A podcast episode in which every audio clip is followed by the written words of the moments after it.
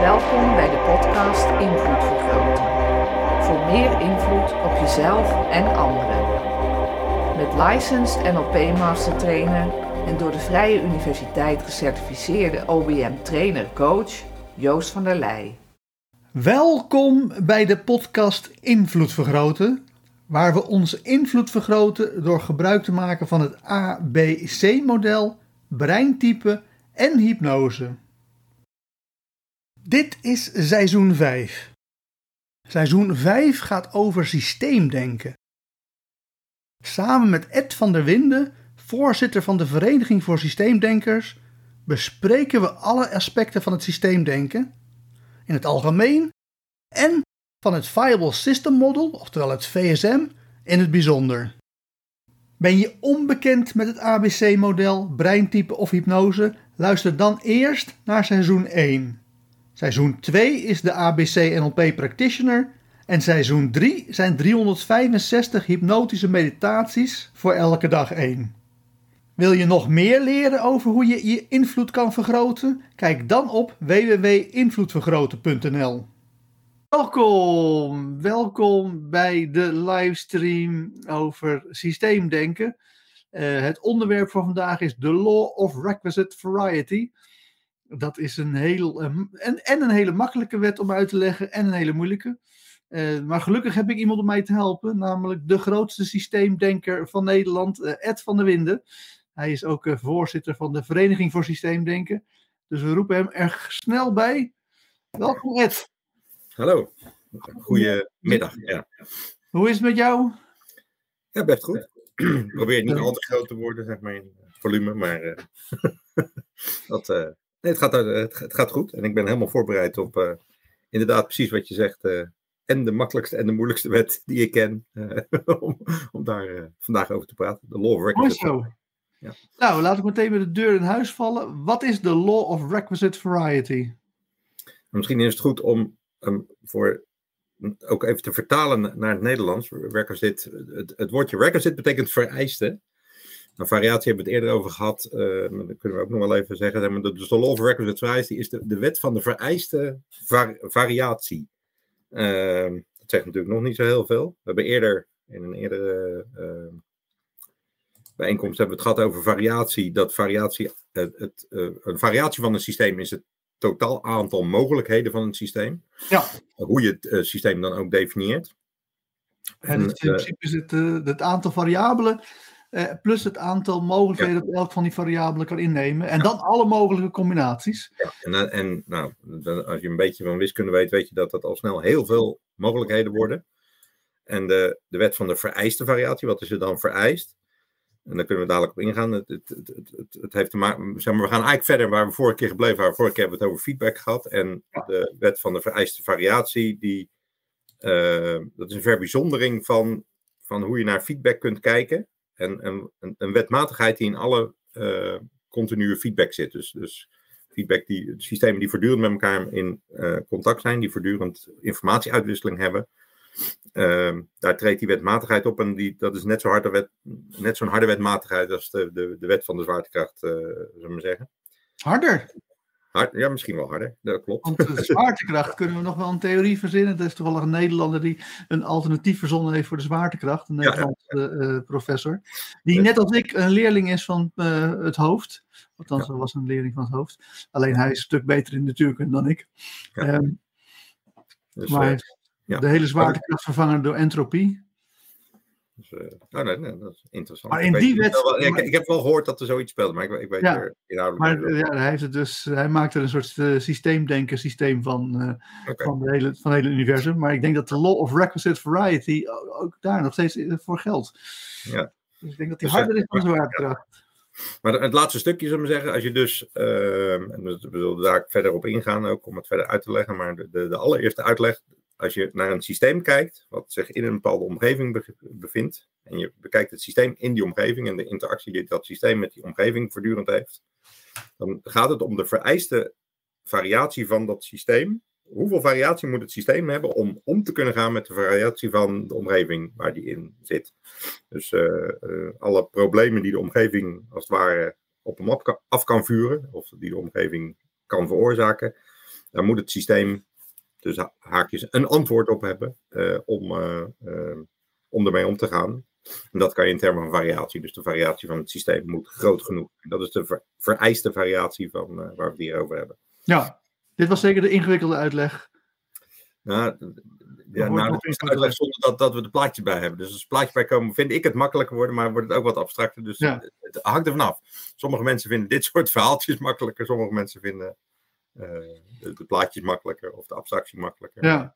Mijn, mijn makkelijkste versie is dus als je ja. uh, een manager bent, dan heb je een, een bordje. En, dan kun je, en afhankelijk hoe groot jouw bordje is, dan kunnen daar een bepaalde hoeveelheid problemen op. En als de uh, omgeving meer problemen aanlevert dan dat jij op je bordje aan kan, ja. dan uh, gaan er dingen mis. Dus de, deze wet zegt dat jij zoveel aan kan aan ellende als dat jij ruimte hebt op je bordje. Dat is inderdaad een hele mooie. Uh, en als er dus inderdaad meer problemen op je afkomen, moet je een groot bordje hebben. moet je zorgen dat het bordje gaat. Of negeren, je kan het ook gewoon... Nou, dat, dat, dan komen we dadelijk bij de twee manieren waar je erop mee om kan gaan. Ja, en de, de, wat moeilijker ingewikkelde versie van mij is, dus variety is een, de variatie is ook een ander woord voor complexiteit. Dat is inderdaad het totaal van alle mogelijke instellingen die een systeem heeft. Ja. Die kun je uit, omdat je alles kan omzetten naar binaire variabelen, eh, kom, kan je eh, elke complexiteit beschrijven eh, met een binair getal. Eh, en dan is het wel heel eenvoudig, hoe langer het getal is, hoe complexer het systeem is of hoe complexer de omgeving is. Ja. En, en dan is het heel eenvoudig dat als jij een uh, 8-bit computer bent, dan kan je geen 16-bit uh, programma's draaien omdat, nou ja, jij kan 8 bit tegelijkertijd aan informatie verwerken. En als de, het systeem, of als de omgeving eist dat je 16 bits per, uh, uh, per keer uh, verwerkt, ja, dan is dat gewoon fysiek onmogelijk. Ja. En, maar het is ook een wiskundige, het is natuurlijk ook een wiskundige formule. Het is gewoon heel simpel dat, uh, dat als je probeert uh, 16 in 8 te stoppen, dan kan het niet. Je kan wel een 8 in 16 stoppen, want dan is 16 2 keer 8. Ja. Maar je kan niet een 16 in een 8 stoppen. Ja. En dat is het basisidee. Ja. ja, en er zit nog een ander aspect aan, dat, van dat, wat je niet in dat bordjesverhaal hebt, is dat ehm, Weet het, ontstaat altijd, maar dat, dat, dat is best, best genuanceerd hoe dat dan in elkaar. Er ontstaat altijd een bepaalde balans, zullen we zeggen, in de, in de informatieuitwisseling. En daar heb ik best lang over nagedacht voordat ik, hem, voordat ik hem voor mezelf een beetje helder kreeg in mijn hoofd. En ik, ik, hoop, ik hoop dat dat vandaag ook een beetje lukt. Ja. Dat, uh, maar voor mij bedoel je te zeggen dat als ik als manager een, een klein bordje heb en er komen hele problemen op en ik moet de hele tijd al die problemen negeren, is het zo dat op een gegeven moment de omgeving denkt, nou aan die Joost hebben we niks, dus we gaan ophouden die problemen op Joost ja. bordje te gooien, ja. want die doet er toch niks mee. Ja, dat, dat bordje bepaalt eigenlijk dan, dat er kan gewoon niet meer bij. Dus... Uh, um, Nee, maar mensen houden dan ook op met het sturen van ja, ja, problemen ja. naar je toe. Hè? Dat is, maar dat is ook wel begrijpelijk, want nou ja, het, uh, we hebben het, het, mijn fameuze ABC-model, staat boven je hoofd. Uh, antecedents, behavior, consequences. Mensen doen datgene wat positieve consequenties oplevert. En houden op met datgene te doen wat negatieve consequenties oplevert. Genegeerd worden is voor de meeste mensen een negatieve consequentie. En zeker als je een probleem hebt en je loopt naar een manager toe en zegt: Wil je dit voor me oplossen? Ja, dan wil je dat het opgelost wordt. Ja. En als dat niet opgelost wordt, ja, dat is een negatieve consequentie. Als dat te vaak gebeurt, dan hou je dus op naar die manager te gaan met je problemen. Het is, ja. uh... En andersom werkt ook, dat is ook een, een, bekende wetmatigheid. Als er gewoon een groot bordje is, je hebt bijvoorbeeld een project waar heel veel tijd voor is, dan het project vult die tijd wel op. ja, nee, zeker. Hè? Dus als je een manager hebt met een enorm bordje en er ligt maar één dingetje op en iedereen die langskomt, nou wordt binnen ja. 10 seconden opgelost, ja. dan binnen no time denkt iedereen, ik ga met mijn problemen daarheen. Ja. Dus in die zin uh, krijg je inderdaad uh, een, automatisch een soort evenwicht tussen uh, wat iemand aan kan en wat iemand op zijn bordje krijgt. Ja. Dus, Oké. Okay. Ehm, ja, ik, ik, heb, ik heb wat tekeningetjes gemaakt hier achter mij, om misschien er net iets dieper op in te gaan. Hè? Maar... Heel goed, ja, ik dacht, nou, misschien zijn we klaar. Dat was ja, Dat zijn plaatjes die ik vorige ook al had. Moet even kijken of die uh, zo een beetje zichtbaar worden. of ik ook in beeld kan blijven. Ja, behalve de onderste, die is niet zichtbaar. Ehm, dat kan ik zo. eh, Ja, zo wordt het wel zichtbaar. ik, ik begin met de bovenste. Zeggen, het- uiteindelijk gaat het om de onderste, maar daar werk ik net toe. We hebben vorige keer al een plaatje laten zien van als je een systeem hebt in een omgeving. Het systeem met rondje, de omgeving met wolkje. Dus eh plaatjes zoals eh Stafford BD ook tekent. Dat de vorige keer hadden we het over, daar is feedback tussen. Zullen we zeggen, er is voortdurend informatieuitwisseling. Er gaat een datastroom van het systeem naar de omgeving. Er gaat data terug. Ja, Dat, ehm, nou, dat, dat kan je ook zo tekenen. Dus precies dat plaatje, maar dan anders getekend, zodat je die, die lijntjes daar hebt. En dat is nou, voortdurend feedback. Ja. En vanuit het systeem gedacht, wat we net zijn, de, de vereiste variatie van het systeem. Ehm, kijk, wat, je sowieso kan zeggen, is dat de omgeving heeft een hele grote variatie en het systeem heeft een kleinere variatie. Ja. Hoe het er dan precies uitziet. En dat is ook een soort, soort logisch, zullen we zeggen. Dus de wereld is ingewikkelder eh, eh, uiteindelijk dan dat ik ben als systeem in de wereld. Ja, Dus die, die twee zijn altijd verschillend. En ik had het net over van er is een soort wetmatigheid, dat er, dat er een soort balans ontstaat. Dat is niet de balans dat die twee variaties hetzelfde worden, want de wereld blijft ingewikkelder dan dat het Precies. wat ingewikkeld. Dus dat, daar zit het niet in. Het heeft te maken met, zullen we zeggen, die informatieuitwisseling, of ik zeg zelf liever data-uitwisseling, die hier plaatsvindt. Dus, dus Ja. wat gaat er van, eh, van systeem naar omgeving en wat komt er terug van die omgeving? Ik ben een groot voorstander van het woord data te gebruiken in plaats van informatie. Ja, ja, ja, de informatie ontstaat eigenlijk pas bij de ontvanger die er dan. maar bij het bewustzijn, als een bewustzijn het ontvangt, wordt het pas informatie. Ja, een bewustzijn, ja. ja. En het moet ook nog nieuw zijn, want eh, als het ja al anders bekend is is. het ook niet informa- geen informatie. Eens. Wat volgens mij om te beginnen een belangrijk, ehm belangrijke Nou. constatering is, is dat, dat het systeem en de omgeving zijn. Het, het is niet een. eh hoe heet het? Het, het, is niet, het, het systeem en de omgeving zijn verschillende dingen. Dus de, ehm, als, als je denkt dat dit datastromen zijn, dan heb je het idee, er wordt vanuit de omgeving wordt de data naar het systeem gestuurd. Ja. Maar, maar het punt is dat, dat in allebei de gevallen, zullen we zeggen, het, het gaat uit van het systeem. Het perspectief is het systeem. Dus het systeem bepaalt wat voor data kan en wil ik ontvangen. En het systeem bepaalt welke data stuur ik uit. Dus, dus de, de omgeving is als het ware een soort eh, eh, passieve. eh, ehm, ja, het is, voor mij is het zo dat de omgeving stuurt natuurlijk van alles nog wat aan signalen uit. ja, nee, die signalen zijn er wel. Maar, maar, Maar de niet- organisatie pikt maar een deel van die signalen Ja. op. Ja. En dat is de data. Je kan zeggen, de, de- wat je hier doet, wat de, de, het systeem bepaalt hier met een, met een filter van dat, een, dat zie ik wel, dat zie ik niet, of dat wil ik wel zien, dat wil ik niet zien. Ja. Het systeem bepaalt wat, wat stuurt hij naar de omgeving. Dan komen we bij het laatste dat plaatje. Dat filter is niet per se eh, eh, wat ze bewust ingesteld hebben. Dat is Nee, nee, nee, organisch gegroeid is. Ja, dat klopt. Dus het, het feit dat eh, wij zeg maar, maar een bepaald deel van het spectrum zien en bij je andere delen van het spectrum zien, dat is gewoon een, een gevolg van de evolutie. Ja. Dus, En voor de duidelijkheid, die lijntjes die kun je ook zien als pijplijntjes. Mhm. Het idee van de law of requisite variety is, is dat, eh, nou ja, als jij een dun pijplijntje hebt, dan kan daar minder door dan als jij een dik eh, pijplijntje hebt. Ja, en wat de, ehm, wat voor de, ehm, de law of requisite variety op een gegeven moment zegt, is als je naar die twee datastromen kijkt, hier ontstaat een bepaalde balans. We hadden het net over die bordjes. We zeggen, als je een groot bordje hebt, dan, dan wordt het eh, vanzelf gevuld. Ehm, dus, dan, dus zeg maar, als hier een groot bordje is van, alsjeblieft, ik heb hier een groot ik kan, ik kan veel vragen aan, dan wordt die ook wel gevuld door, vanuit de omgeving. En Ja. andersom, als het een klein bordje is, eh, dan, dan, dan, stopt het, zullen we zeggen. Dan gaan mensen Ja. het op een gegeven moment niet meer... eh, ja, je kunt het gewoon niet kwijt, dus het systeem kan het gewoon toch niet verwerken. Ja, het Dus, hoeft eh, overigens niet, hè, want er kan natuurlijk een fabriek zijn die heel erg veel productie aan kan, maar dat maakt iets waar niemand behoefte aan heeft.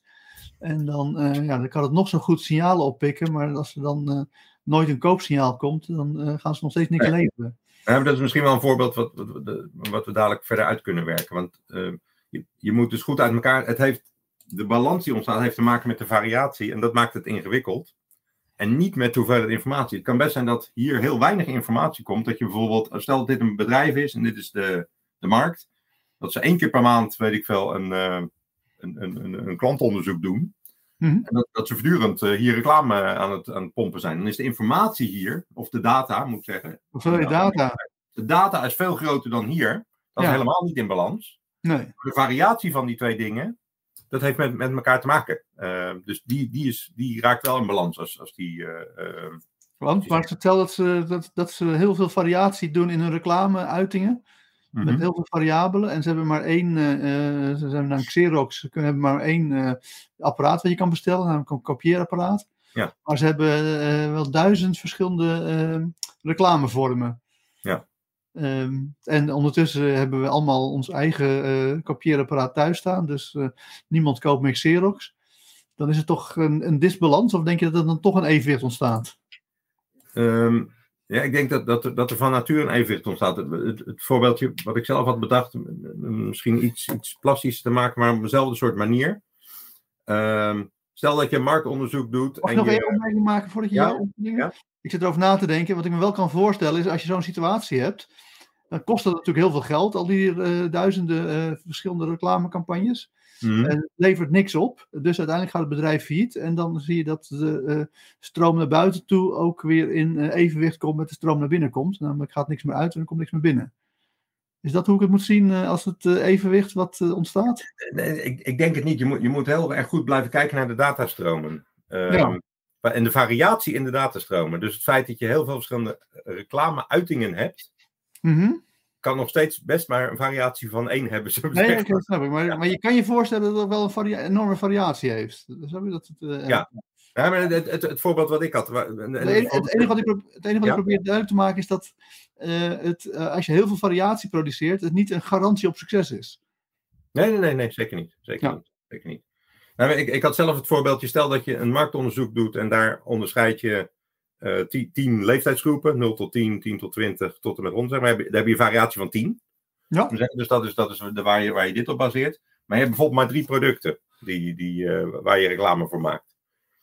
Dan ontstaat hier volgens mij, dat, dat is wat de law zegt, die variatie wordt zelf, want die drie producten, die kunnen niet in tien bakjes landen, zullen we zeggen. Die kunnen, dus Nee. wat, wat je dan krijgt is misschien dat je krijgt van, oh, product A is echt voor kinderen, is voor 0 tot 10.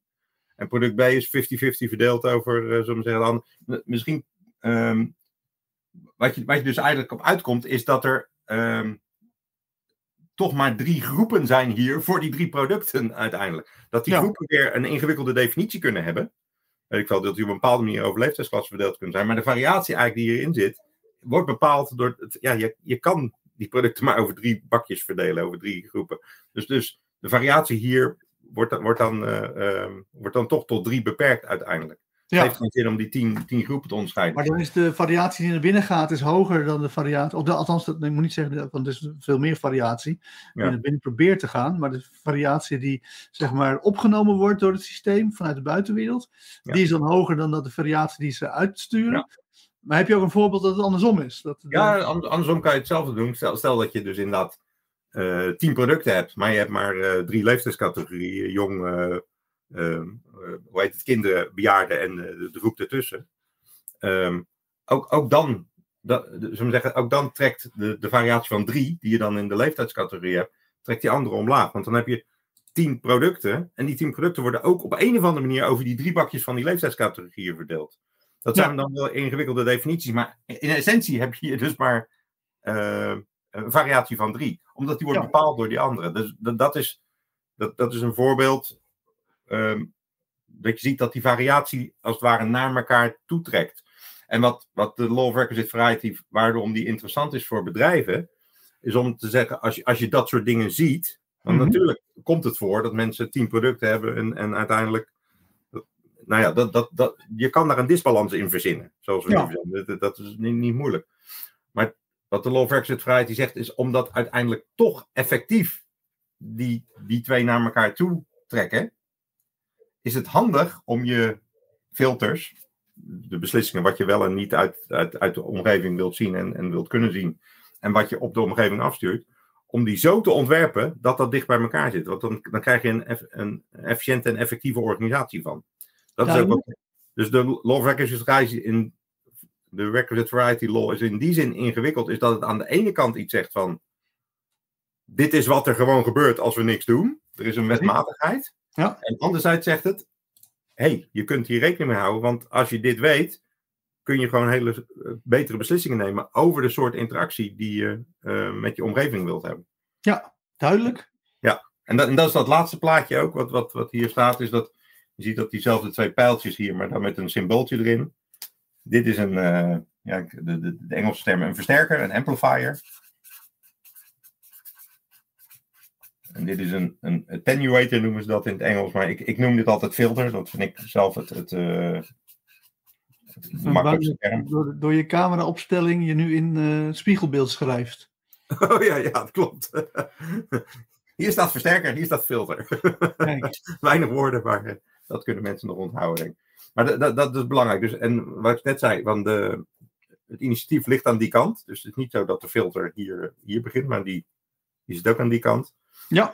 En, en, en, nou ja, de voorbeelden die we net hadden, uh, komt maar al te vaak voor. Het is, dat, dat is de basis waarom het een, een hele belangrijke wet, wetmatigheid is. Die wetmatigheid is er. En omdat die wetmatigheid er is, kun je maar beter je systeem, je organisatie, whatever, inrichten op een manier die, die, die helpt, zeg maar. Ja. Dus de juiste versterkers uh, inricht. Wat voor data wil je naar de buitenwereld hebben en waarom?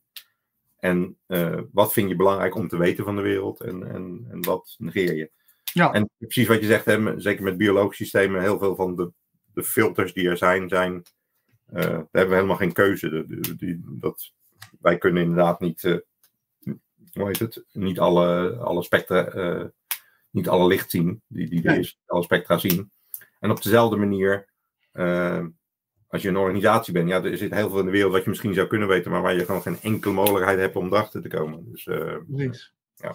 Nu lijkt het alsof uh, de organisatie uh, alleen de input kan filteren en de output kan versterken. Kan het ook andersom? Hoe bedoel je andersom? Nou, dat je de, dat je de input versterkt en de output filtert. Um, Nee, kan niet andersom. Want, maar, ik zou ook niet in termen van input en output willen. Want nu heb je het gevoel dat dit output is en dit input. Ja. ja, ja. Um, uh, maar input, dat, dat, dat, dat woordje heeft de, de connotatie alsof het, alsof het hier vandaan komt, zullen we zeggen. Ja, dus dat, dat, dat snap is, ik. Maar, dat, ja, maar dus, laten we dan zeggen, wat, wat noemen we dan? Uh, het opvangen van inkomende signalen ja. versus het uitzenden van nieuwe signalen. Ja. Ja, maar dat, dat zijn de, de enige, twee, zullen we zeggen, wat, de enige twee manieren als je zegt van, nou ja, dit komt toch altijd in balans. Wat zijn de enige twee manieren om daar zelf iets aan te doen? Als je ziet dat er eigenlijk meer informatie binnenkomt dan, dan dat je nu kunt verwerken, dan moet je kijken of je jezelf kunt versterken, wat dat betreft, of je daar gebruik van kunt maken. Ja. En andersom, uh, um, hoe heet het? Um, als, als het gewoon heel, veel te veel is, omdat je er toch niks mee kan, ja, dan, dan, dan kan je er een filter op zetten. Ja, maar je kan, er ook, je kan er ook besluiten om uh, zeg maar de signalen die je naar buiten stuurt te verminderen. Deze, ja. Maar dan ben je toch ook de, zeg maar de, de, de, uitgaande signalen aan het filteren. Ik zie niet in waarom de uitgaande signalen per se een versterker zijn en de inkomende signalen, althans de opvangen van de inkomende signalen per se een filter moet zijn. Ik denk dat ongetwijfeld zal het meestal zo zijn, maar de, uh, kan het ook zo zijn dat er gewoon uh, uh, te weinig signalen van uh, nou, buiten komen? Ja, wat, wat jij bedoelt is dat, dat je zegt van als je hier, weet ik veel, in eerste instantie tien producten hebt en je komt erachter, ja, maar ik heb toch maar drie klantgroepen, dat je er op een drie producten van maakt. Ja. dan, dan zeg je, ja, maar, maar dat, um, um, ja, dan, dan, ga je de variatie van 10 naar, naar 3 terugbrengen. Uh, Precies. Ja. Uh, maar, nou ja, laten we zo zeggen, in deze, in deze theorie, in deze, deze uh, uh, zoals dit model zegt, worden die woorden daar niet voor gebruikt. is dat zo? Ja, dat is zo. Oké. Okay. Want dit, dit heet de, de, de, dit is de attenuator en dit is de, de amplif amplification. Ja, nee, dat snap ik wel, maar, ik, maar dat gaat mij niet zozeer om de, dat, dat, dat, ik, dat het is ja, in principe gewoon een negatieve en positieve feedback. Kijk, op, op zich, en misschien is dat belangrijk, het, uh, ik, denk, ik denk dat daar het, het, probleem.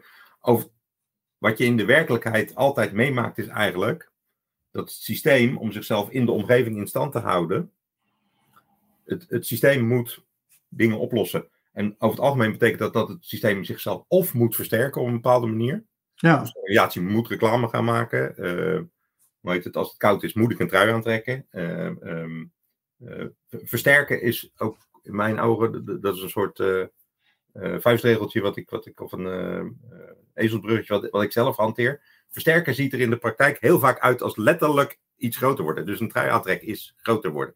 Dus Ja. in een auto kunnen stappen en dus lange afstanden af kunnen leggen, is letterlijk groter worden. Maar het gaat feitelijk om het vergroten van de variatie, hè? oftewel de complexiteit. Ja, nee, dat, dat, dat klopt. De, de, bit, de, de bitrate van het kanaal ga je verhogen. Ja.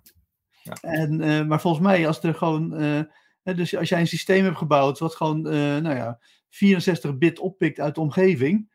En, eh, en je eh, probeert 64 bit naar de omgeving terug te sturen. eh, en je komt erachter dat je, ja, hoe gek je ook probeert, je niet verder kan komen dan 32 bit te versturen. Dus versterken lukt niet verder dan 32 bit. Ja, dan zit er Mhm. volgens mij toch niks anders op dan die 64 bit terug te brengen naar 32 bit. Ja, nee, dat klopt. Maar de, het, het, kijk, wat je nu eigenlijk beschrijft, is dat in een bepaald aspect, dat hier een hoge varia hogere variatie is dan daar. De, Nou, de- gaat niet, nee, dat, dat, dat, dat, dat zal nooit het geval zijn. Maar het gaat meer over dat eh, zwarte puntje wat je getekend hebt. Mhm. Is dat die, dat die misschien te. Nee, die onderste. Dat die, te, dat die te veel oppikt. Of nee, dan ga je filteren. Nee, als die te weinig oppikt. En dat je dus, eh, dus de, het, eh, je inkomen. filter, filter ook wil gooien. Je wil meer eruit halen. Ja. En is dat niet hetzelfde als versterken?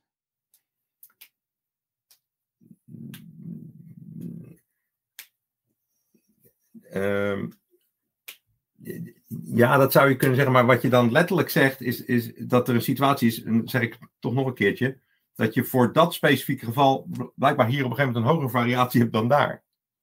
En dat is, dat is niet zo. Eh. Dus, dus waarom heb je het over versterken? Ja, dit, is, dit is het basisgeval. Je hebt, je hebt hier een lage variatie, hier een hoge variatie. Ja, nee, dat ben ik je eens. Om, om die, ehm, om zullen we zeggen, te kunnen overleven in dit, deze omgeving, moet die, dit systeem kan veel meer problemen op dat, de, de, de omgeving kan veel meer problemen op het systeem afsturen dan het systeem aan kan. Dus de, die twee variaties zijn Dus de, land, we zullen het filter- blijven. Ja. Het je kan alleen maar meer of minder filteren. Ja. Eh, maar minder filteren is iets anders dan versterken. Volgens mij wel. Oké. Ja, dat, meeste, dat, dat, dat, want anders maak je het voor mij. Ehm, het, het, het is ook een beetje wat, welke woorden gebruik je en hoe zit het model. in Zeker. elkaar. Maar ja, ik ben filosoof, hè, dus we houden Ja, ervan om heel precies te weten welke woorden we gebruiken. Maar, maar eigenlijk wat je zegt is van ik heb hier een hoge variatie en hier een kleine variatie. Om die meer bij elkaar te krijgen, wil je deze variatie filteren, die kant op. Ja. Dit, wil, wil je eigenlijk van wat je van, het, van de Dat, omgeving dat wordt sowieso gefilterd. wil, wil je kleiner maken. Ja. En om eh, beter met die grote variatie om te gaan, wil je jezelf als het ware groter maken. Wil je jezelf versterken. Daar komt het versterken en filteren vandaan. ja, maar de, Op zich is natuurlijk het voorbeeld wat jij zegt, is, dat, dat voorbeeld kun je verzinnen, is dat je zegt, ja, mijn, mijn filter staat, eh, eh, hoe heet het? Te, weinig open. open. Ik wil mijn, mijn filter meer openzetten. Ehm staat te weinig open. Ja, precies. Ja. Ja. Dus Eh, nou ja, dat, eh, mensen met wie ik werk, die, eh, je hebt mensen die bijvoorbeeld eh, eh, gevoelssignalen hebben uitgezet. Omdat Mhm. als ze gaan voelen, gaan ze zich heel ellendig voelen. ja. En dat is heel verstandig voor de duidelijkheid, want je Ja, kan beter niks voelen dan je ellendig voelen. Eh desalniettemin is het leven een stuk mooier wanneer je wel wat voelt. Dus ja, die mensen die gaan we eigenlijk leren om dat eh, filter eh, minder af te sluiten. Maar Ja. dan wel nog steeds de negatieve gevoelens te filteren, maar de goede gevoelens door te laten. Ehm, maar ik vind het wel een goed plan hoor. Dus je zegt van, eh, nou, er komt sowieso, eh, nou ja, laten we zeggen 100.000 bit eh, informatie op je af vanuit de, of data uit- of vanuit de, omgeving. Dat kan niemand, kan niemand verwerken, dus je filtert altijd. En dus het wordt altijd minder, maar je kan wel de mate waarin het minder wordt, kan je besturen. Ja. Eh, maar dan wil ik nog wel goed begrijpen wat versterken betekent in deze context. Want, ehm, eh, want de variatie binnen het systeem wordt niet hoger als ik de versterker aanzet.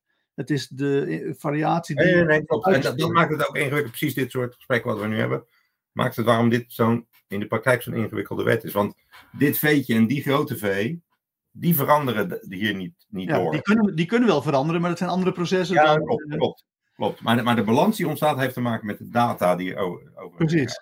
Dus, dus tegelijkertijd is, is waarom is de versterker belangrijk en de filter, die komt wel voort uit het verschil tussen die grote en die kleine V. Ja, het is niet hetzelfde waar de balans op ontstaat. Het is niet zo. En, en dat, daar heb ik een tijd mee geworsteld. Dat ik, want op een gegeven moment schrijft, Stafford Beer. The varieties tend to equate, zegt hij dan. Zo, Ja. zo- over de, ze, ze, ze worden op een gegeven moment zeggen, maar, op een gegeven moment, ja, maar dit kan toch niet hetzelfde worden? En dat, dat, ik kwam er niet uit. En ik, uh, nou ja, ik begreep het niet of hij legde het niet goed genoeg uit. Ik denk dat hij het zelf goed snapte. Ja, Um, maar de, maar dit, maar dit de- maakt, dit maakt, de nuance is, is, is vrij complex. Van wat, Ja. waar hebben we het hier over? Ook omdat Maar het de- over variatie gaat en niet over hoeveel data het dan is. Het, ehm, Dus even heel, heel simpel gezegd, eh, de, de filter is, eh, dat is wat, er- wat je doet als er signalen binnenkomen. En dan kun je Ja. zeggen van ik wil meer of minder zien. Even een visueel voorbeeld. En de versterker is, eh, dat is de signalen die je naar buiten stuurt. En dan kun je meer of minder van jezelf laten zien. Ja, ja. Maar je kan nooit meer laten zien dan wat je in huis hebt. Nee, nee, nee. Dit, dit kan natuurlijk nooit groter worden dan die V die daar is. Dat is onmogelijk. En, de, en de, de, de variatie in de omgeving is altijd groter dan wat jij in huis hebt. Ja, ja. Dus dat betekent dat er sowieso altijd heel veel gefilterd moet worden. Zelfs als jij maximaal versterkt. Ja, ja. Versterken is ook best mo- moeilijk. Ja. Ehm, bijvoorbeeld, nou, jij schrijft heel veel boeken. Ik heb ook ooit een boekje geschreven. Een boek is een versterker. Je, wordt, we zeggen, je, je krijgt iets meer eh, footprint in, in de wereld. Ja, hangt Eh, wel af eh, of het een commerciële titel is of niet. Want niet alle. Ja, nee, klopt. Of, en of mensen het lezen. Dus ik bedoel, Ja. veel mensen hebben mijn boek ook niet gelezen. Maar, maar het is een versterker. Zullen we zeggen. Ja. Doordat die boeken er zijn. ehm, nou ja, wat ik zeg, mijn, mijn, mijn ben je iets groter geworden in de wereld. Ja. En, en een heel ehm, reclameuitingen zijn het ook, maar wat je bijvoorbeeld, zeker de grote companies ziet doen, gewoon een lacrosse op je shirtje of een, of een, een, een blik- blikje cola, waar letterlijk Co- Coca-Cola op staat. De, de- reclameuitingen zijn letterlijk in de wereld, zeg maar. Dus, dus Coca-Cola is aanweziger door die, die manier van, eh, dat, dat zijn allemaal versterkers. Ja. Die, die, die namen blijven hangen. Eh, Duidelijk. ja. En dan eh, heb ik nog twee andere onderwerpen, maar ik weet niet precies welke volgorde. Ik ga gewoon mijn intuïtie af. Ja. Binnen NLP werken we met het totenmodel. Ja, En dat is de test, operate, test, exit. En daarbij is het eh, dat is een soort zwarte doos eh, eh, idee. En het is hetzelfde als wat we laten zien hebben hier. Want we hebben, zeker nog, we hebben in een van de uitzendingen over feedback hebben we helemaal in detail totenmodellen gekeken en dubbele toten dingen. Mhm. Ehm, maar bij NLP zeggen we, om goed om te gaan met de wereld, als je jezelf als black box ziet, heb je en variatie nodig, maar ook Ja. flexibiliteit. Want als je heel veel variatie hebt, maar je weigert er gebruik van te maken omdat je compleet inflexibel bent, dan Ja. schiet je nog steeds eh, eh, niet op. En het leuke is, ik vroeg toevallig eh, kan, eh, aan ChatGPT, kun je in één zin vertellen wat law of requisite variety is? Ja. Wil je horen wat hij ervan gemaakt heeft? ja heel benieuwd. Ik moet hem wel even opzoeken, want ik had het niet bedacht om het live te doen. Volgens de ChatGPT, the law of requisite variety states that in order of effectively control a system, the controller must have at least as much flexibility and variety as the system itself. Ehm, en, eh, en dat vond ik wel interessant dat hij heel expliciet ook flexibiliteit eh, noemde. Ja. Eh, ook, dat was, en hij noemde ook meteen het tweede onderwerp waar ik het over had. Dus dan kan ik ze mooi met elkaar verbinden, namelijk control. Daar gaan we dan Mhm. zo meteen de rest over hebben. Maar flexibiliteit, zie jij dat in de wet of Black Requisite Variety terug?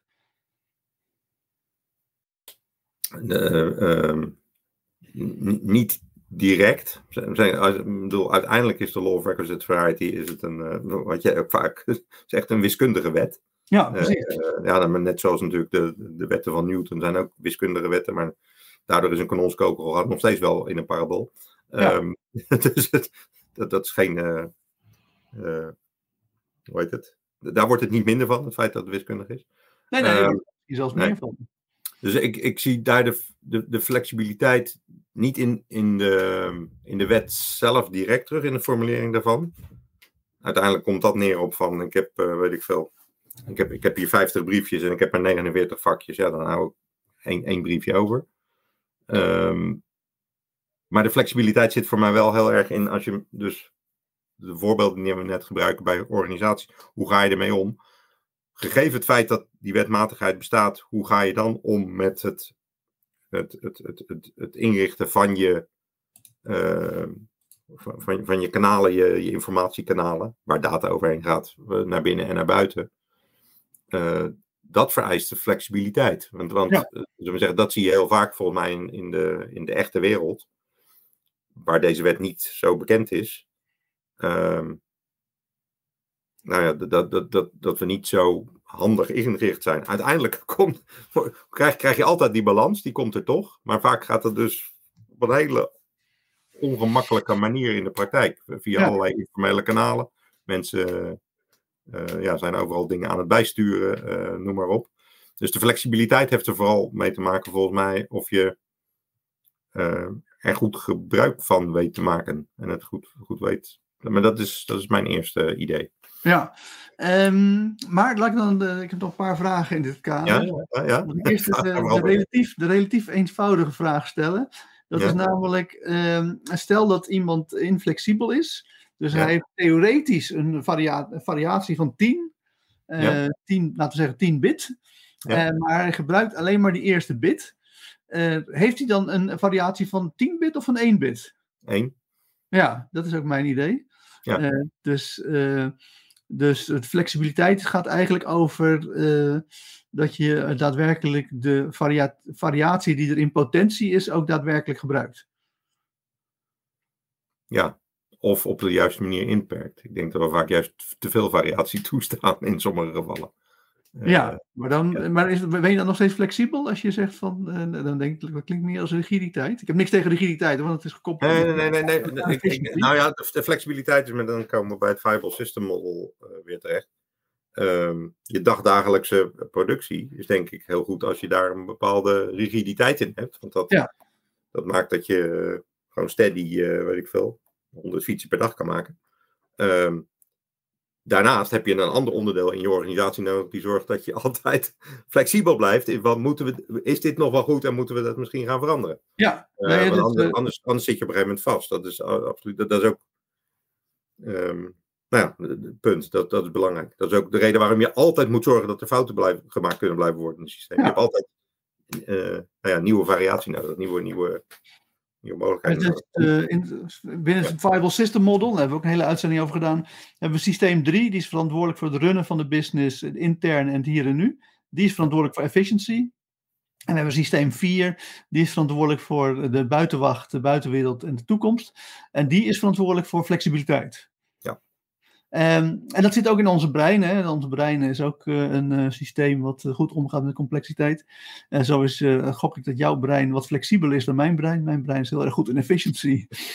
en alleen als ik ontspan, word ik flexibel. Maar als ik niet ontspan, dan ben ik helemaal niet. Dan ben ik zelfs, sommige mensen zeggen zelfs heel rigide. Ik vind het gewoon efficiënt. Um, ik vind het dingen dan saai worden heel, heel snel. Dus ik heb, ja. Ja. Nee, dat kan ik me voorstellen. Um, maar dat brengt ons naar het tweede onderdeel. Dat is namelijk dat de Law of Requisite Variety ook gaat over hoe goed in staat ben je om je eigen systeem te besturen. He, dus um, de, de, opnieuw in termen van het Viable System Model. Ja. Systeem 4, eh, wat uh, eigenlijk moet doorrekenen wat de uh, ontwikkelingen zijn in de buitenwereld en in de toekomst. Met wat voor impact die maken op de ehm, organisatie die moet ook een goed model hebben van de organisatie, anders kan die organisatie natuurlijk niet, uh, die, niet goed die impact uitrekenen. Uh, en dat model, dat is uh, volgens mij ook een, de model van de eigen organisatie, is ook een onderdeel van de Law of Requisite Variety. En hoe bedoel je dat?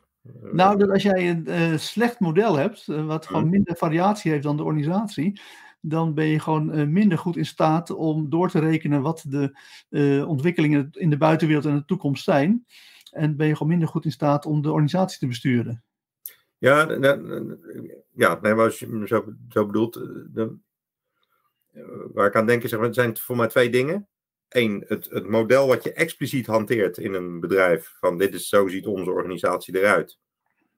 Um, als je dat, mod dat model heeft een bepaalde variatie, dus niet de organisatie zelf, maar het model heeft een bepaalde variatie, die als, die, als die lager is dan de echte variatie, dan, dan beperkt dat model eigenlijk de variatie van waar je mee kunt werken. Ja. Ik denk ook dat er, want er zijn, bedrijven hebben altijd wel een soort model van zichzelf, al is het, al is het alleen maar in, in mensen hun hoofd. Um, die, die twee dingen zullen altijd verschillen. Dus de, de, de organisatie zelf heeft, heeft denk altijd een grotere variatie dan de modellen die, die Zeker, ja, anders heb je niks aan het model. Kijk, het ja, voordeel van een model... En, dat, en dat, dat, model is heel nuttig, want daar kan, op basis daarvan kan je, kan je ideeën verzinnen, kan je dingen veranderen. Ja.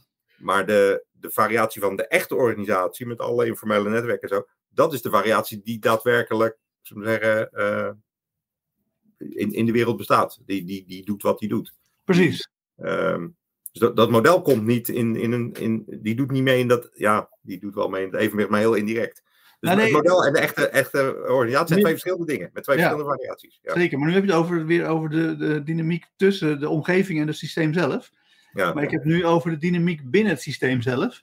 Ja. Namelijk de poging van het senior management om de eh, boel eh, te runnen. En Ja. ja, ja daar is. Nou, dat- dat, dat is wel, om, om eventjes naar, naar de plaatje te wijzen. Ik heb hier altijd gehad over systeem versus omgeving. Ja, Maar precies dezelfde logica kan je zeggen. Ik heb hier, eh, hier de organisatie en ik heb hier het management van de organisatie. Dan, Precies. dezelfde. Klopt. ja. Dus eh, ja.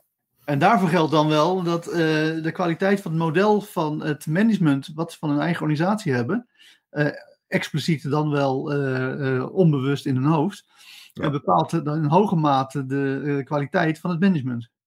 Ja, ja. En want, want bijvoorbeeld als je dus inderdaad management ten opzichte van de rest van de organisatie kijkt. Een goed model, dat als een management een goed model heeft, dat ze dat op een goede manier naar de rest van de organisatie weten te communiceren, is een enorme versterker voor de organisatie. Als je Ja. bijvoorbeeld een hele goede doelstelling eh, weet te formuleren, hier, hier zijn wij van, dit is wat wij doen. Eh, beter dan we willen alleen maar veel geld verdienen, maar eh, nou ja, ik, ik noem maar wat. Greenpeace, dat is dan geen commerciële organisatie. Eh, maar wij, wij willen de wereld redden, of ik, ik noem maar wat. Maar dat is, en je weet dat goed te communiceren, dan is dat een enorme versterker. Ja, Eh, president Kennedy roept, we gaan naar de maan. En iedereen gaat er, ging erachteraan lopen.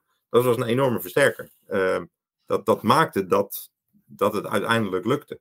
ja. Maar als je gaat kijken naar, dat, het, dat het bolletje nu de, het management of een manager is, Ja. en dan bepaalt het model wat hij van de, van, de, van de organisatie heeft, heel erg naar wat voor signalen die oppikt.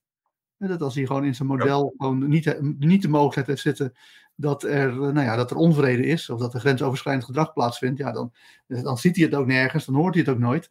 Nee. En, en andersom eh, bepaalt het natuurlijk ook eh, de hoeveelheid variatie die hij uitstuurt. Want als hij denkt, ja, ze kunnen maar één product maken, dan, hoeft hij alleen maar een getal te roepen. eh, tien! Deze Ja. week tien! Ja. En dan, nou ja, als Ja. de rest van de wereld, als de rest van de organisatie dan denkt, ja, maar we hebben vijf producten. Welke van die vijf producten bedoel je nou eigenlijk? Eh, de- de- Stafford Beer die had het ook over soms eh, in zijn boek over de. eh, zeg maar, het is ook een balans als, eh, als er gewoon geen informatieuitwisseling is. Hij had het dan over sheer ignorance van het management. Ja, Als men geen idee heeft wat er in de organisatie gebeurt, dan kunnen ze allerlei mooie speeches houden en plannen communiceren en alles.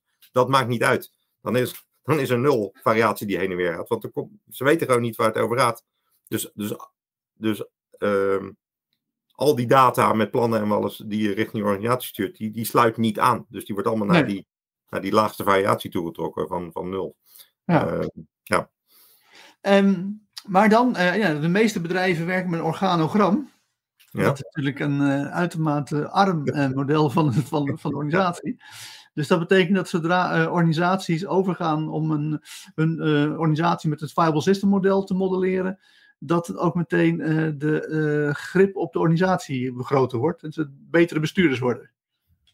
Dat denk ik wel. Maar, maar de, Ja. de, ehm, tegelijk, ja, ja, dat is voor de meeste organisaties is dat best moeilijk, omdat iedereen is gewend aan dat organogram. Het orga- organogram is een aardig model, maar het heeft maar één doel. Je kan aanwijzen wie de schuld heeft als er iets Ja. fout gaat. En dat, is, dat is het enige wat het model doet. Ja. Het is, is niet nutteloos, maar het is niet waar het over het algemeen voor, voor waar mensen het voor zouden willen gebruiken. Ze- Ja, denken dat betekent dat, eh, dat organisaties die geen eh, viable system model van hun eigen organisatie hebben, heel erg afhankelijk zijn van de kwaliteit van het onbewuste model wat mensen in hun hoofd, of als de managers in hun hoofd hebben zitten. Ja. En dat is ook de reden waarom ze altijd op zoek zijn naar toptalent. Eh, want dat komt, ja, dat zijn mensen die een mooi model in, hun hoofd hebben zitten. En om Ja. die reden eh, ja, meer grip en controle hebben en de zaken beter beheersen. Ja. Alleen, ja, dat toptalent, dat is, dat is, geen, eh, dat is niet een van de eh, aangeboren natuur iets waar je toevallig iemand hebt die eh, nou, een supergoeie manager bleek te zijn. Het het heeft ook gewoon mee te maken met eh, ja, de, de juiste informatie op orde hebben. Dus Ja, ik denk oprecht dat als we organisaties overgaan op het, eh, nou, gewoon het maken van een viable system model van hun eigen organisatie, dat dat eh, ervoor zorgt dat er meer managers toptalent blijken te zijn. En dat de situatie gewoon, dat het bedrijf beter gerund wordt. Ja, nou, het, het maakt, ik, ik ben het helemaal eens. Het maakt volgens mij ook dat, uh, dat we gewoon met z'n allen, met alle mensen die er zijn, uh, makkelijker uh, goede dingen kunnen doen. Uiteindelijk kijk ik gewoon naar school. Van, we zijn allemaal maar gemiddeld. Ik bedoel, er zijn een paar mensen die halen allemaal tien op school. Er zijn een paar mensen die halen viertjes, maar de meeste mensen halen zesjes. Ja. Dat is natuurlijk ook zo. Dus, dus het, het is een beetje gek om, om te zeggen, je bedrijf in te richten, dat je allemaal mensen in dienst moet hebben die tien halen. Want dat doen we gewoon niet met z'n allen. We maken nee. fouten. Um, maar het is wel de gedachte die bedrijven hebben. Bedrijven ja, zijn alles nu heel met talentmanagement bezig. Dus, ja. uh, oh, het is goed dat ik je spreek, want wil, wil jij zo vriendelijk zijn om de vragenlijst voor type 5 analisten in te voeren en iemand te vinden die jou goed kent, die het dan ook een keertje wil invullen voor jou? Oké. Okay. Het zijn 165 vragen en dan krijg je een rapport over uh, waar jouw talenten liggen. Dan, uh... Maar dat is een, de lijst die, die, ga je, die heb je voor mij? Of, ik, uh... Nee, ik ga het je mailen. Oké, okay, okay. ja. dat is. Nee, ik. Ik ben er is een zeer grote waarschijnlijkheid dat ik inderdaad een analist ben. Nee, dit is we hebben nu we hebben zeg maar eerst een test voor wat voor breintype hebben mensen. En daarna volgens okay. per breintype een talententest. Oh, oké. Okay. Of we hebben, dus per type bedacht wat, wat zijn nou typisch de talenten met, met, met iemand met zo'n brein. Mm. Uh, en, oh, okay. En dan kijken we vervolgens uh, hoe vind je zelf dat je uh, daarop scoort. En hoe vinden andere mensen hoe je daarop scoort. En dan krijg je eigenlijk te zien van nou, waarin ben je beter dan dat we hadden kunnen aannemen. Waar je als het ware jezelf overstijgt. En mm-hmm. waar, uh, waar is nog ruimte om te groeien en al dat soort dingen. Oh. Ja. ja. Uh, maar de bedrijven vinden dat heel interessant. Ik doe het niet ja. uit mezelf. Ik doe het omdat er een, een grote opdrachtgever achter zit. Ja. Maar die vinden dat zo interessant, omdat ze ja, die, die, die zijn toch op zoek naar, de, naar, de, naar, die, naar, naar het kip met gouden ei. Ja. om, om een bedrijf te leiden. Maar volgens mij, ja, als je dan het Viable System model introduceert, dan heb je veel minder, ben je veel minder afhankelijk van het specifieke talent van een individu. En dan ga je het veel structureler organiseren. Ja, wat, wat in de praktijk voor mij veel gebeurt, is dat het. Um, dat heel veel van de dingen die moeten gebeuren, niet op, op het niveau van de toptalenten gebeurt, op het management, met heel veel dingen gebeuren op de werkvloer. Zijn mensen heel veel dingen aan het bijsturen? Zijn ze, zullen zeggen, zorgen dat ze meer iets weten uit de omgeving, wat ze, nog, wat ze gewoon moeten weten, omdat ze anders hun werk niet kunnen doen? Um, um, en, en dat, dat is voor mij het, het, het, het, mooie van als je het Viable System Model, uh, zeggen, dat model hanteert en, en, en daar je bedrijf een beetje naar vormt. Um, het, het, het gaat allemaal soepeler. Ja. het, het, kost nu heel veel effort om. Want, want die wetmatigheid bestaat toch. Dus, dus, dus, maar alleen het, het wordt overal opgelost. Daar valt niet aan te ontsnappen. En ja. dus dat is de reden waarom organisaties ook steeds meer autonomie beleggen. Juist omdat ze ontdekken dat nou ja, de top die variatie niet aan kan, die nodig is om goed om te gaan met, met de omgeving. Ja. En dan kunnen ze twee dingen doen. Of zeggen inderdaad van nou, fuck it, dan, dan maar niet. Maar dat leidt er tegenwoordig to toe dat je eigenlijk gewoon vrij zeker uh, nou, in ieder geval marktaandeel verliest, maar waarschijnlijk failliet gaat. Ja. En je moet dan wel autonomie beleggen lager in de organisatie, zodat die mensen ja, het gebrek aan variatie van de top kunnen aanvullen. Ja. Maar vaak zie je dat, dat die, en, en ik ben helemaal voor autonomie, want ook dat zegt het Viable System Model, geeft zoveel mogelijk vrijheid, behalve als het niet meer werkt. Maar um, nou, volgens mij is het Model dat je als het ware als een soort slinger heen en weer moet gaan. Afhankelijk mm -hmm. van de, en, en dan niet uh, om de week veranderen, maar dat zeg maar uh, tien jaar uh, heel veel autonomie en dan weer tien jaar. Ja, ja dat, dat je, kijk, dat, het Viable System Model, gegeven een bepaalde doelstelling, je purpose, je, ja. je bestaansrecht, ehm, kan je eigenlijk dus wat je uitrekenen of kan je gewoon bedenken wat je wil, wat je moet centraliseren en wat je moet decentraliseren. Ja. Maar de ervaring leert dat het gegeven dat de omgeving in hoge mate steeds complexer en complexer en complexer wordt, dat de, de, de, er steeds meer autonomie gaat komen en dat de periodes van autonomie ook steeds langer gaan duren. Want het, ja, nee, nee, kijk, die autonomie is belangrijk, maar, maar je, je, je bent er ook niet met alleen maar autonomie. Het Viable System Model heeft ook die, die, uh, die recursie, die hiërarchieën. Ja. Alle, alleen de, de interpretatie van wat betekent een hiërarchie. Uh, in het Viable System Model, ja, ik, ik zeg altijd, het is geen hiërarchie, het is nesting. Een ja. hele andere interpretatie dan hoe die over het algemeen volgens het hartje, volgens het organogram. Ja, nou ja, bij een organogram heb je het idee dat je bovenaan de piramide staat en dat je de grote ja. heerser bent. Terwijl uh, volgens het Viable System model je gewoon uh, een van de vele supportsystemen bent voor die niet, niet, overigens ook niet eens levensvatbaar zijn, Nee. maar die nodig zijn om wat wel levensvatbaar is, namelijk de werkvloer, eh, Ja. in leven te houden of het, Ja. te helpen om eh, in leven te blijven. Nee, nee, helemaal eens. Helemaal eens. Dus eh, Ja. ja, en, en, op, en op al die niveaus kan je die law of requisite variety weer terugpakken. Zullen we zeggen. Nou, dat, was precies mijn, eh, dat was precies mijn punt. Is dat, Ja. eh, hè, dat, dat, ja, dat al die, eh, die, die samen, eh, of al die eh, wisselwerkingen, allemaal eh, dus bepaald worden door de law of requisite variety. Ja, overal waar je, en dat is wel belangrijk, eh, een min of meer continue relatie hebt, waar voortdurend als het ware informatieuitwisseling is, ehm, eh, ja, is deze wetmatigheid komt voor. Daarbij is wel belangrijk dat, dat als je twee mensen bijvoorbeeld pakt, dat je altijd vanuit het perspectief van de een kijkt. De ene zie je als, even, als het systeem en die andere is de omgeving van het systeem. Dan kan je natuurlijk omkeren. Je kan het ook vanuit een ander perspectief bekijken. Ja. En je kunt ze ook allebei als één systeem pakken. Als Ja, en dan weer ten opzichte van iets anders. Maar Ja. overal kom je diezelfde Ja, eh, ba- balans tegen. Eh, je kan daar niet aan komen. Als je, als je nog simpeler zegt, zeg maar, als je kijkt naar de, ehm, de, de variatie van de data die de ene kant op gaat, de variatie van de data die de andere kant op gaat. En dat is al best moeilijk om soms te bedenken, wat is dat dan precies? Ehm, eigenlijk elke interactie, de, dus de effectiviteit van elke interactie wordt teruggetrokken naar, naar het, laagste, het laagste van die twee getallen. De laagste Ja. variatie bepaalt wat het wordt. dat is Je kan, niet- je makkelijk. kan daar niet jij- bovenuit komen. Ja. Als jij in 64-bit je verhaal doet en ik kan maar 8-bit eh, horen, dan, eh, ja, dan, eh, dan hoor ik niks.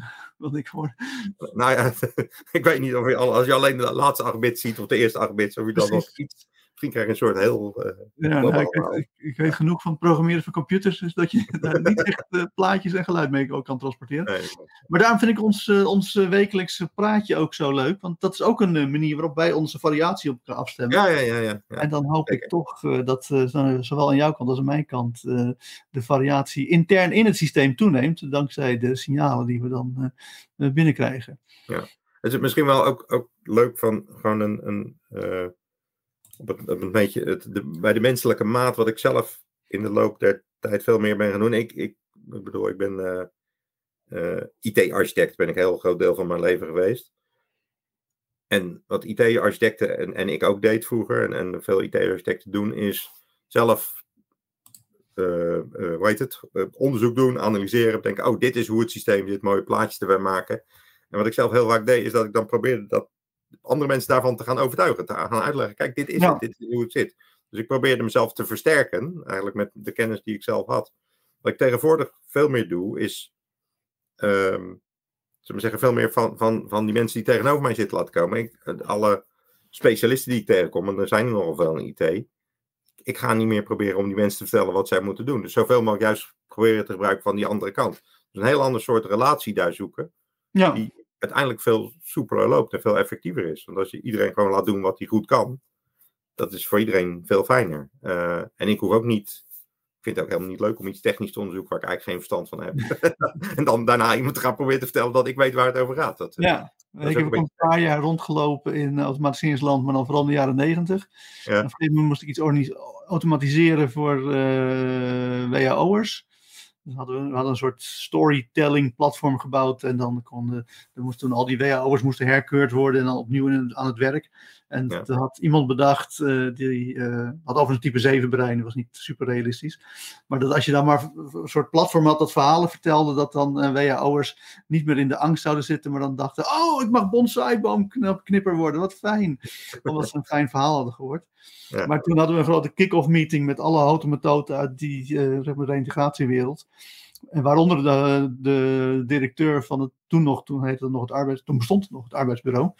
En, en die vroeg aan mij van, ja, maar heb jij verstand van reintegratie dan? Toen zei ik, nee, nee, totaal niet. Ik weet alleen eh, hoe ik moet programmeren.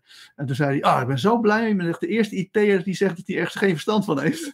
Want ik heb tot nu toe alleen maar mensen gehad die allemaal riepen dat ze alles snapten van onze omgeving en zo. Terwijl ze Ja. nooit, er nooit iets van begrijpen. Nee. Ja. nee, dat dus dat, maakt, dat maakt het leven makkelijker inderdaad. Ja. Ja. Heel goed. Hebben we alles eh, of de Law of Requisite Variety gehad? Het uur zit er ook bijna op.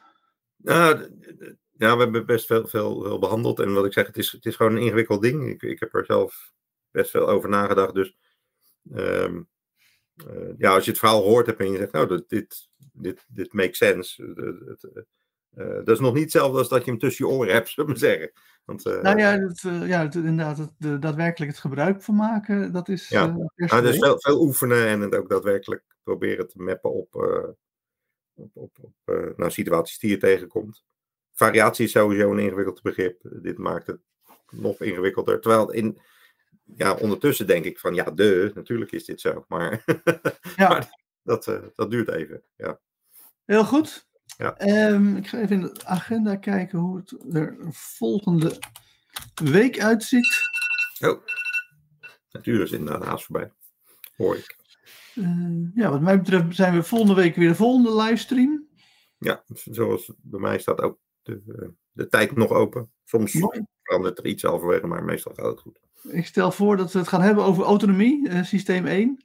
Oké. Okay. kunnen we daar ook wel een, een, een ja, heel uur aan wijden.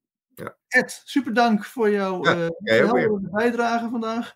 Ja. Ik heb uh, meer geleerd van, uh, van de Law of Requisite Variety, met name over de versterkers en de filters. En nou ja, ik zie jou volgende week terug. Gaan we doen.